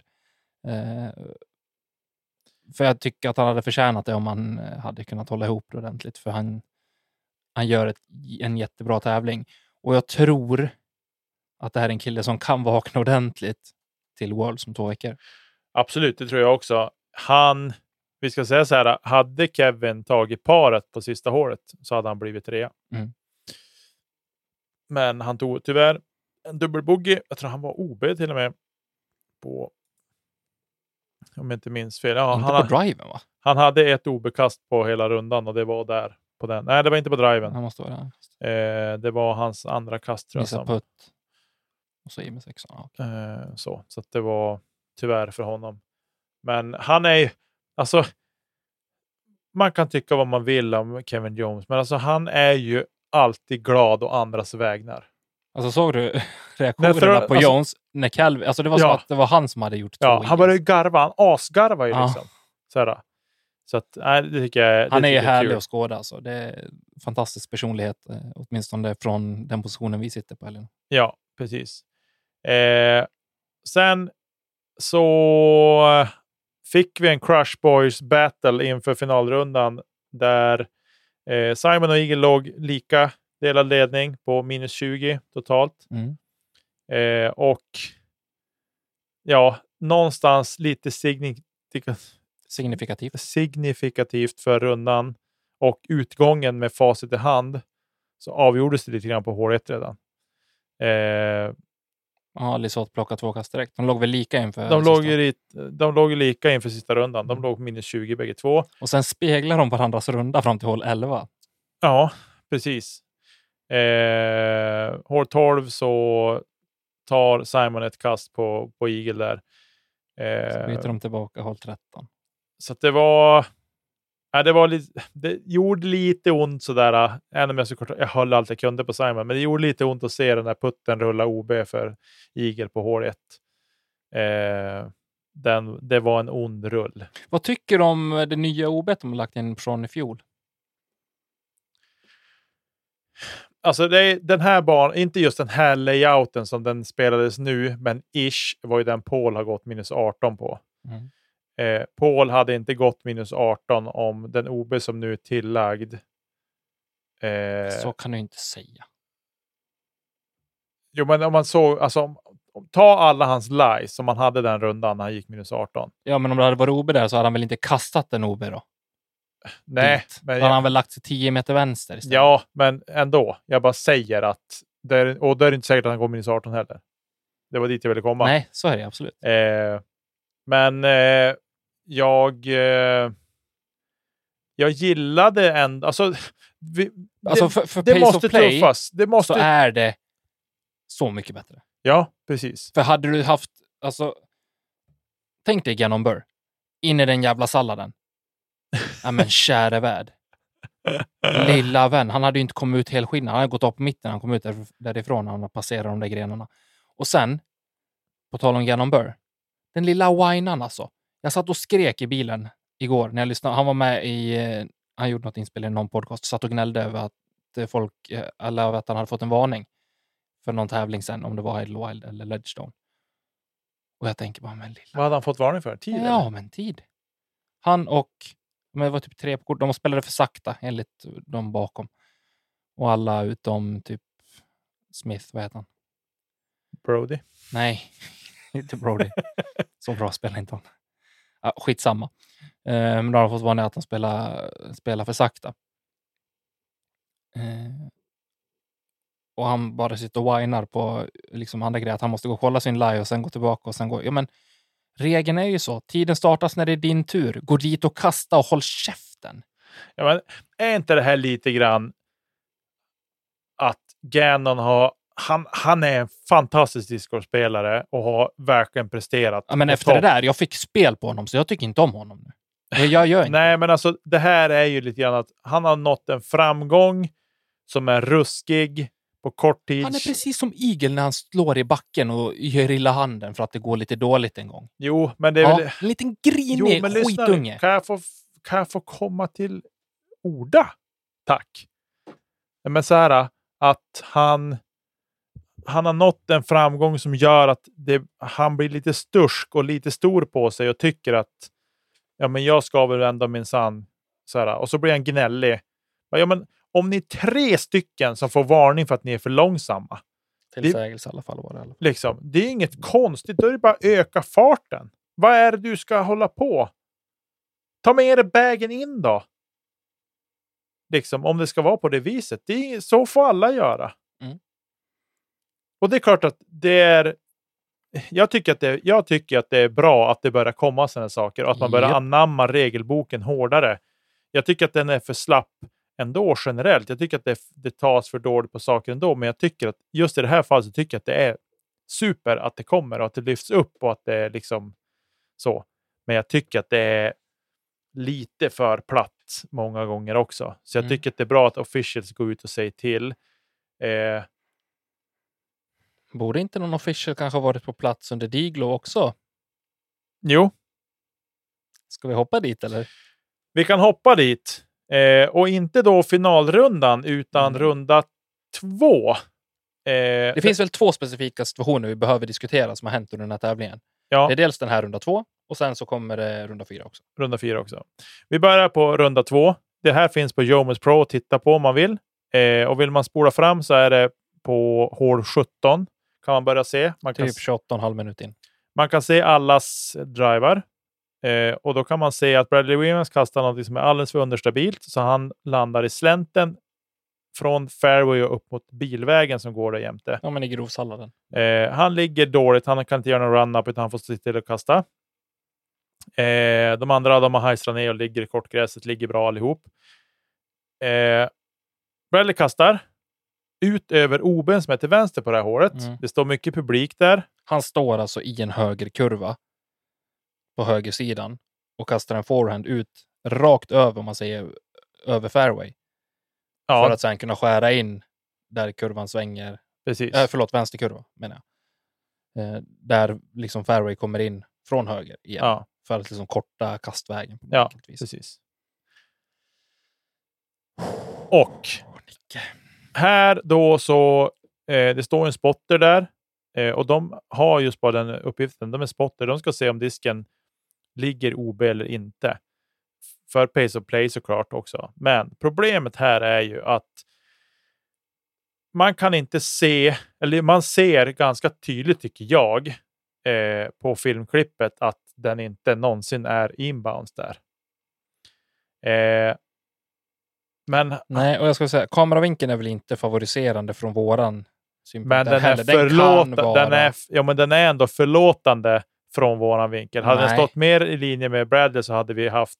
Hade den stått mer i linje med OB-linjen så hade det gått att säga direkt. Men jag tror fortfarande inte. Det finns inte en känsla i mig som säger att den är inbounds. Nej, men jag tycker Där ändå, den är. Jag den är tycker ju, att nu har... Jag ska säga, vi har fuskat lite grann. Vi har liksom framat oss fram lite ruta för ruta så gott det går på, på Youtube. Så för att se. Men den är liksom en och en halv deci in från linjen. Eh, Alltså OB. OB. Det vill säga den har aldrig varit inbounds. Eh, och det är det här. Vi har pratat om regler i den här podden så många gånger. Jag vill lyfta det än en gång. Vikten av att titta på när dina medspelare på kortet kastar och var, var disken tar vägen någonstans. Spotters har en enda uppgift. Det är att säga om disken är inbounds eller ute. Är Fast de det är inte osäkra? de som tar beslut på Nej, det de tar heller, inget utan- beslut, men de visar ju bara med en flagga, rött eller grönt eller vad det kan tänkas vara på flaggan. De är ju där bara liksom som en i ett serviceyrke. Mm. Liksom så. Hjälpa spelarna liksom, och, och, och sådär. Och lite grann hjälpa till att leta disk om det behövs kanske och sådär. Eh, och markera ut framför allt. Det är det de har gjort många gånger där det har varit lite högergräs, att sätta ner en liten flagga. Eh, och det som då händer är ju att det är ingen som kan säga, förutom förmodligen Bradley, han vet nog om att den där var aldrig inbounds. Men den hoppar ju som till där, så han tänker, ja men den var nog in och vände. Och benefit of the player, de ger honom att han får spela där disken ligger OB. Han får ta Typ sig 80 meter. meter längre fram. Jag vet inte om det är så långt, men 40, 30 till 50 meter någonstans ska jag säga längre fram från där han Det, ska. det, det måste vara mer. Eh, jag gissar inte spekulera i hur långt fram det var. Det- är bara gissning, men det är ju stor skillnad i alla fall. Han hade inte löst boogien på hålet. Han hade tagit minst dubbel boogie, säger jag. Om han hade ska kasta därifrån han borde ha kastat. Mm. Eh, det är lätt för oss att sitta och titta och säga efterhand som man tittar på, på repris. Men det, är det jag vill komma till, hela poängen handlar om att man måste stå och se när andra spelare kastar för att kunna se eventuella fotfel och även se ja, men vart tar disken vägen någonstans. Är det ett skogshål du inte kan se, du kan inte avgöra, du kan bara chansa. Ja, men då är det så. Men i det här fallet, det är liksom öppet. Det går att se. Jag tycker att det är lite svagt av Bradley, men framför allt svagt av Kevin Jones, Simon Lesoth, Eagle McMahon. De ska ha på skallen för det, för jag tycker att det är för dåligt. Men alltså det är eh, rakt ut, det är ren fusk. Alltså han fuskar. Och Alltså, Bradley har att- ansvar över sitt eget jävla spel. Ja, men jag tycker alltså så här. Han är ju som inte beslutsfattare heller. ska Han kan ha, ställa han ska ha för frågan. missplay. Han, Han spelar hålet fel. jo, men han kan ha. Han kan ju liksom säga. Såg ni om det var inbounds eller inte? Jag såg inte. Det frågar inte han. Jag vet inte, men jag bara säger att det lär ju ha varit någon sorts diskussion och då säger det nej, men vi vet inte. Du får spela där, disk, där disken är, för ingen har sett. Det är så dåligt. Jag Då hade jag tycker- gjort så. Då hade jag sagt okej, då spelar jag en provisional från det förra för jag vill inte åka på missplay och så vill jag varna er för att ni inte kollar. Ja, Tack till exempel. Det kan man göra. Det är, en, det, är en, det är ett alternativ. Men det är det här som är grejen. Och lite synd. Jag tycker att det borde vara, alltså, de borde vara lite mer på varandra. Men det här är Discord-familjens akilleshäl. Att man säger, ja men de är polare och liksom de vill inte varandra ont så. Men jag tycker att det är dåligt, för vi har en regelbok att förhålla oss till och många nya spelare också som ser det här och liksom säger, "Jaha, ja, ja, men är det så regeln funkar? Och det är lite intressant att det är jätteroligt. Det är hysteriskt roligt det Jeremy Colling säger som kommenterar tillsammans med Paul Uleberry. Att eh, Benefit of the player-regeln uppmanar dig till att fuska, ja, säger han precis. väl typ rakt. Ja, han säger rakt ut att vill du fuska så kan du anamma den där regeln. typ. Ish. Och så bara nej, nej, nej, jag skojar bara, jag skojar bara, jag skojar bara. Fast det är ju en viss sanning i det han säger. Det är ganska klar sak. Eh, och jag tycker att så här, oavsett, jag tycker att Bradleys samvete borde jag ha pockat på hårdare. För han ser ju garanterat att den där inte är inbounds. Mm. Eh, men utnyttjar lite grann tillfället. Eh, men även de andra ska ju ha en släng av sleven. För jag tycker att det är för dåligt Det är det. faktiskt. Eh, så det var det. Det kan ni gå in och titta på. En annan sak som jag tycker är fruktansvärt roligt också. Inte bara för att det är Simon. Vem det än är som hade gjort det här kastet som gjordes på hål 16. Alltså det här är ju någonting. Snabla är, geni. ja, Det är en mastermind. Han, han spelar ut reglerna på banan rätt och slätt rakt av. Så här, hål 16 har de gjort om. Nu är det OB runt och det är en OB-ö. Eller kanske har varit OB runt tidigare, men det var ingen ö tidigare. Jag vet inte, jag kommer inte ihåg. Skit i samma. Det är i alla fall gjort en ö. Kastar du för kort om ön går du till drop zone. Har du någon gång passerat inbounds med disken, det vill säga inte bara i luftrummet rakt upp från OB-linjerna, så spelar du från där disken senast var inbounds. Eh, det är ju jämnt här i tävlingen. Eh, Simon leder väl med ett eller två kast. Och Eagle kastar ju före honom där. Dessutom. mm. Eagle. Fastnar i, i ett träd, landar kort och då vet Simon direkt, okej, du ska gå till drop zone och du ska putta mot korgen som står tre meter från OB. Typ. Det vill säga att Eagle kommer att halvgå för det, men kommer inte att våga ordentligt. Liksom. Vad gör Simon det? Alltså när jag såg det, jag var så här bara, vad håller han på med? Har han tappat skallen helt och hållet? Ja, det här är också som är så kul om du faktiskt är insatt i, i reglerna från början när du väl står och kollar. Ja, jag hade ingen aning om Nej. att reglerna var så. Jag tänkte så här, OB dropzone. Det var det jag tänkte. Så jag bara, sen säger jag han tar ganska redig ansats. Han tar ju en ansats och tänker så här, okej, vad gör han nu? Och de filmar ju bara honom där också. De Mm. följer ju inte disken där och då, utan de filmar ju bara honom och hans reaktion. Och han ser lite så här, han ser inte missnöjd ut, men han ser inte svinnöjd ut heller. Så. Så tänkte jag bara, jaha, Ja, bra pokerface. jag var sjukt bra pokerface. Bara, vad håller han på med för någonting? Och jag tänkte så här, jaha, han tog en sån där ansats. Vad har han kastat nu? Men han gjorde en svepande heiser bara. Ja, eller han kastade egentligen bara någonting rakt och högt. Liksom bara rätt, inte Ja, men rätt som upp. ändå men, fejdar ut över ön. Ja, precis. Eh, och jag tänkte så här, jaha, han kastar något superunderstabilt som liksom flippar runt och kommer in som en forehand heiser. Liksom. Tänkte jag först. Det var den första tanken jag fick. Och så bara, men varför ska han göra det här? Det är bara att kasta rakt och det är han ju duktig på. Mm. Sådär. Nej, han kastar ju medvetet rakt över ön OB. Spottern går dit, sätter ner flaggan där han tycker att ja, men det var här du gick OB. Såklart. Fördelen med en spotter att de på något sätt ger en hänvisning om Mm. vart. Eh, Nate Heinhold som är, jag vet inte om han var TD, men han var official Han på tävlingen i alla fall. i alla fall. Eh, är ju med på 10 och ser ju allting som händer. De bestämmer sig för att ja, det var inte riktigt där spotten har satt flaggan. Det är lite grann bredvid, men på ett ungefär. På alla filmklippen när man ser så är de ganska rätt ute när, när han sen ställer sig och puttar. Han får en parputt från typ 2,5 meter. Mm. Och de andra, Men alla de andra tre ju OB. 25 meter ifrån. Alla de andra tre gick ju OB kort Mm. och fick kasta från dropzone. Och då tänkte jag och de börjar ju garva i studion. Tills de läser kaddeboken av vad som faktiskt gäller för håret. Nate Oss, han skrattar ju. Mm. Och liksom så här, ja, han mastermindade håret. Han spelade ut de andra med hårets regler. Och det, här- det här tycker jag är så liksom charmigt med discgolfen också. Att det här kommer ju garanterat liksom håldesigner och bandesigner lära sig av. Den här regeln kommer inte finnas nästa år. Mest troligt inte. Nej. Men där och då, jag menar, som spelare kan du ju, speciellt i ett sånt här läge där det är tajt, liksom, visst han tar ju en chansning, det gör han ju såklart. Mm. Men någonstans tycker jag ändå att det är häftigt att du har huvudet med dig på skaft i det läget också. Liksom hål 16, runda 4. Och det skiljer två eller tre kast. Mm. Hatten av. Alltså, Nej, han är ett snabla geni. spela efter de reglerna som finns. Varför ska han offra, eller liksom, varför ska han riskera att ta en, ta en dubbelbogey istället? Ja, nej, precis. Och det roliga är ju att han, han tog ju beslutet på 10 också. Ja. Det var liksom inget han hade planerat att göra, utan det var så han såg att de andra, att Eagle kastade dåligt framför allt.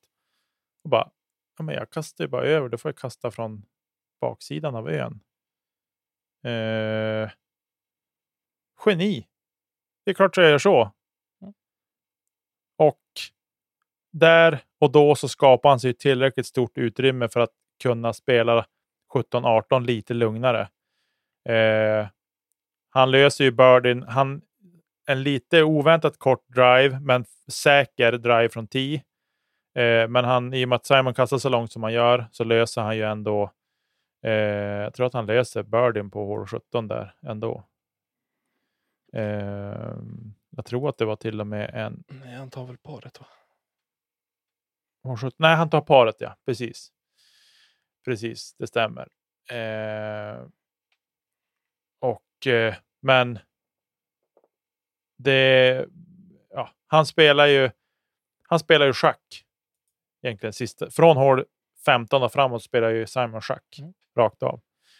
Eh, och distanserar sig då till Eagle som inte kommer ikapp. Som inte kommer närmare. Eagle behövde ju göra, göra minst Eagle Birdie för att komma ikapp Mm. Simon om Simon parade ut. Men å andra sidan vet vi att Simon hade han hade det i sig att göra birdie på 18 om det hade krävts. Eh, så han gjorde ju birdie, runda tre gjorde han ju birdie på hål 18 bland annat. Och så. Eh, och ja, men jag tycker att han, han spelar en grymt bra finalrunda, boogiefri. Eh, och så. Jag vet inte ens om han hade, jag vet inte hur många bogeys han hade på hela, hela tävlingen. Eh, han hade 6 boogies. Eh, 43% par och 50% birdies. Och han är bäst på hela tävlingen. På antalet tagna birdies. Det är Cole Redalen som är närmast på 46 procent. Eh, så att, eh, nej. Jag, jag är bara sjukt glad att Simon höll undan och vann och kunde prestera under pressen. Han har ju varit med sitsarna förut och chokat sönder totalt. Eh, men han höll ihop det otroligt bra. Och jag tror nog att det var lite, just på hål 16, det var en liten nagel i ögat på dem att han mm. utnyttjade reglerna på det sätt han gjorde där och då. Eh, men med det sagt, just sådana där hårregler, jag tycker att jag gillar det inte. Helt ärligt. Mm, nej. Att du har en sån där ö-regel att, att eh, är du kort så är det drop zone. Och sen har du bara passerat inbound så är det från ö-kanten. Det är ju Missar du ön så är det drop zone, punkt. Så tycker jag att det ska vara i sådana fall. Ska det vara en mm. drop zone så är det så det ska vara. Lite grann. Inte att är du kort är det drop zone. Är du lång så får du spela från... Nej, jag gillar inte reglerna, men jag älskar att Simon utnyttjar reglerna. Fullständigt älskar det. Enig.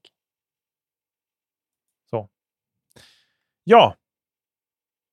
Vi lämnar väl eh, Diglo då med buller och bång. Kul med Simon att han fick vinna. Han har ju vunnit flest Elite Series senaste året. Är det Player of the Year eller? Han kommer inte att få det, men jag tycker att han ska ha det. Okej. Okay. Bara för att det är Simon. Om han vinner Worlds? Vinner han Worlds så definitivt. Mm. Eh, och han får ju en bra avslutning. Nu ska han hem och vila en vecka, så på måndag ska han bege sig till Worlds för att gå träningsvarv och, och så där komma igång. Snart är det dags. Vet du. Snart är det dags. Du, vi, vi hoppar vidare lite. Mm, efter att eh, vi fick klart med svenskt EM-guld till Dennis Augustsson här i helgen så fick vi ett, eh, ett meddelande som löd så här. Tja, vilken sanslös uppvisning av Dennis. Antar att eh, ni kommer lägga lite tid på det här i nästa avsnitt och eh, ja, det kommer vi såklart. Det har måste, vi gjort. Ja, det har vi gjort. Eh, såklart måste ni då diskutera om han ska göra samma resa som Linus och byta sponsor för att få en rejäl chans på andra sidan pölen. Innova och svenskar känns ju inte så som en jättebra kombo, inte ens om du lovar att du röstar på bibelbältesreplikat. Jag kan bipa det sista, jag vet inte om man ska säga det. ja. Ja, nej men eh, så här, behöver Dennis eh, byta sponsor för att eh, men, få ett lukrativt eh, kontrakt och eh, kunna spela discgolf på heltid? Eh,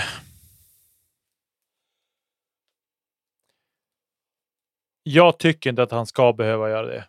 Jag tycker att jag tycker ju att eh, Innova får ta huva i röva nu och, och göra något vettigt av det här. Jag tycker att han ska byta sponsor. Eh, sen med det sagt så kanske han ändå ska byta sponsor. Men ja, jag vet inte. Alltså vi ska säga så här också. Linus har ju spelat för Innova under den tiden både Paul har varit där och Ricky har varit där. Så det är klart att de har haft men sina stora... Du måste skilja på Innova Europe och Innova. Jo, absolut, men det är ändå samma Nej. skrot i slutändan. Innova Europe har inga pengar. Nej, det är det jag menar. Men jag, det är ändå Innova. För mig är det Innova, oavsett vad du säger. Men skit i samma. Ja, det är klart att är han hos en sponsor som inte har några pengar, då måste han ju byta om han ska kunna göra det här. Jag vet inte om de inte har några pengar, men det känns inte som att så här, ja, jag, jag vet inte. Nej. Det är bara en känsla. Eh, Att Innova vet inte ens att det finns spelare i Sverige. nej, de har ju lite dålig koll faktiskt. Men byta sponsor? Ja, absolut. Till vem? Ingen aning. Jag tror inte det spelar någon roll. Ge han pengar bara. Han får spela med vilka diskar han vill. Öppen bag. Ja, Ugglan discgolf. ja. Ugglan får kliva in. Nej, men eh, jag tycker väl att han skulle byta sponsor. Till vem? Spelar inte så stor roll, tror jag. Men jag tror att byta sponsor och starta Tourlife i samma veva kan nog vara tuffare än man tror. Eh, Fast tror du inte att är det någon som hade löst den biten bara skitit i? Jag tror han skiter i vad han har i bagen. Han Tror du blir- det? Ja, ja, gud. Ja, kanske. Ge han vilken bag som helst. Han åker över Ja, och bara kör.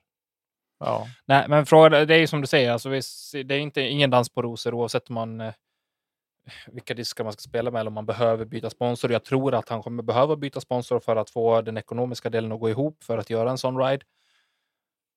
Men det kommer också med sina utmaningar. Dels att eh, lära sig ny plast, men den stora delen i spelet den ligger fortfarande i att etablera sig. Alltså, Mm. Du behöver vara där ett tag. Mm. Du behöver fira jul i Kalifornien. Du behöver fira påsk i New York. Du behöver göra någonting.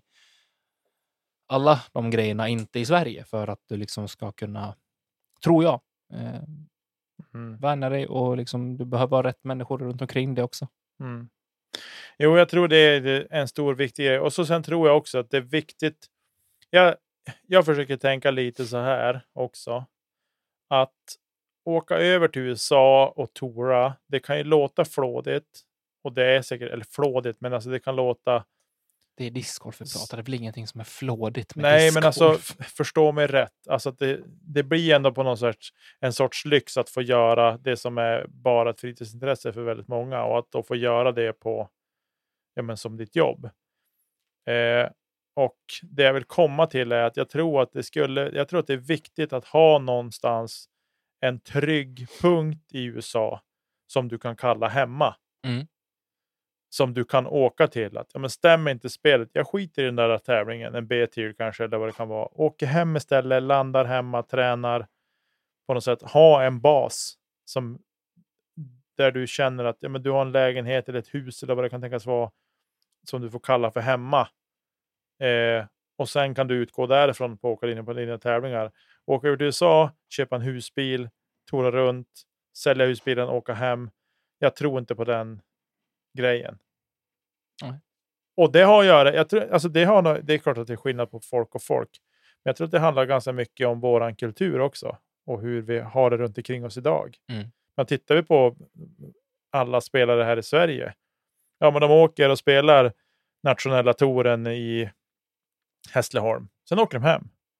Och sen åker de och spelar Swedish Open på, i Borås på Ymer. Och så åker de hem. Alltså förstår du, de har en trygg plats hela tiden. Bo Mm. borta några nätter, kanske Airbnb eller hotell eller vad det kan tänkas vara. Husbil, husvagn kan det också vara. Men att de åker hem emellan hela tiden. Alltså de har en trygg bas där de utgår. Ibland kanske det blir två tävlingar när de åker hem, men de har liksom alltid någonstans att vända hem. Det är det som kanske är skillnaden i USA, att där vänder du inte hem någon gång, utan där far du bara runt. Och jag tror att det kan vara kanske någonting att antingen så fixar man det bara att fara och flänga runt. Men jag tror att det kan vara en anspänning också som man kanske inte kan riktigt kalkylera med på förhand. Mm. Nej, helt klart. Jag vet inte, jag, jag bara sitter och spekulerar, men jag känner att alltså, jag, det är en sån sak som jag har tänkt på. Att många av proffsen i USA, nu åker jag hem och ska ta liksom lite off-time från discgolfen och bara vila upp mig och sådär. Ja, då åker de hem. Alla de åker hem, oavsett hur långt det är. Jag tänker att det kan vara någonting för europeiska spelare också, att ha någonting som de kallar för hem. Sen kan det ju vara med någon av de andra spelarna, jag har ingen aning, men jag tror att det kan vara bra att ha en, en bas, base camp att utgå ifrån. Ja, nej, jag är helt enig. Jag har Det- som ingenting att tillägga. Jag tror att han, för den ekonomiska delen tror jag att han behöver eh, byta sponsor. Och i övrigt så är jag med dig. Eh, vad tycker ni andra? Ni som lyssnar på det här, ni får jättegärna höra av er med era synpunkter kring det här. Det här är bara min egen teori och, och känsla så att eh, man kan tycka att vi har mycket gemensamt med USA, men jag tror även att mycket i det kulturella skiljer sig också en hel del eh, kring det här. Så det ska vara intressant att höra vad ni har för tankar och synpunkter kring det här. Ni kanske inte ens har tänkt i de banorna för huvudtaget och tycker att jag är bara korkad och har korkade teorier. Hör av er i sådana fall.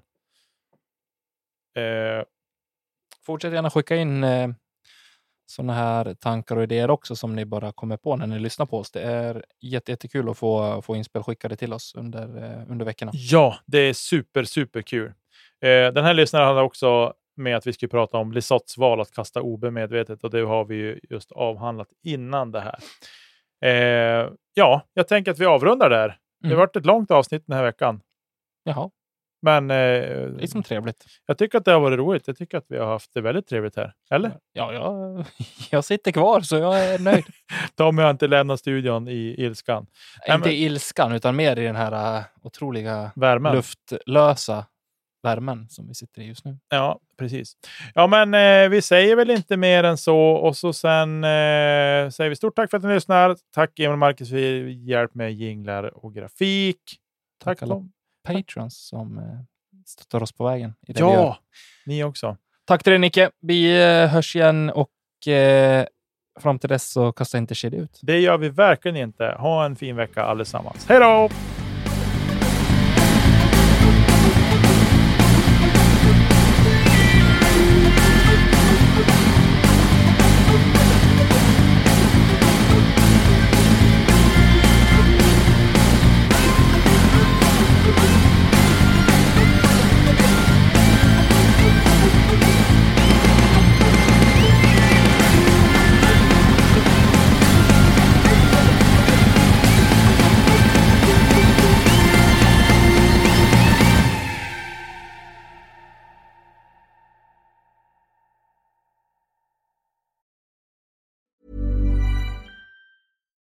Deserves the best, and there's no better place to shop for Mother's Day than Whole Foods Market. They're your destination for unbeatable savings, from premium gifts to show-stopping flowers and irresistible desserts. Start by saving 33% with Prime on all body care and candles. Then get a 15-stem bunch of tulips for just $9.99 each with Prime. Round out Mom's menu with festive rosé, irresistible berry chantilly cake, and more special treats. Come celebrate Mother's Day at Whole Foods Market.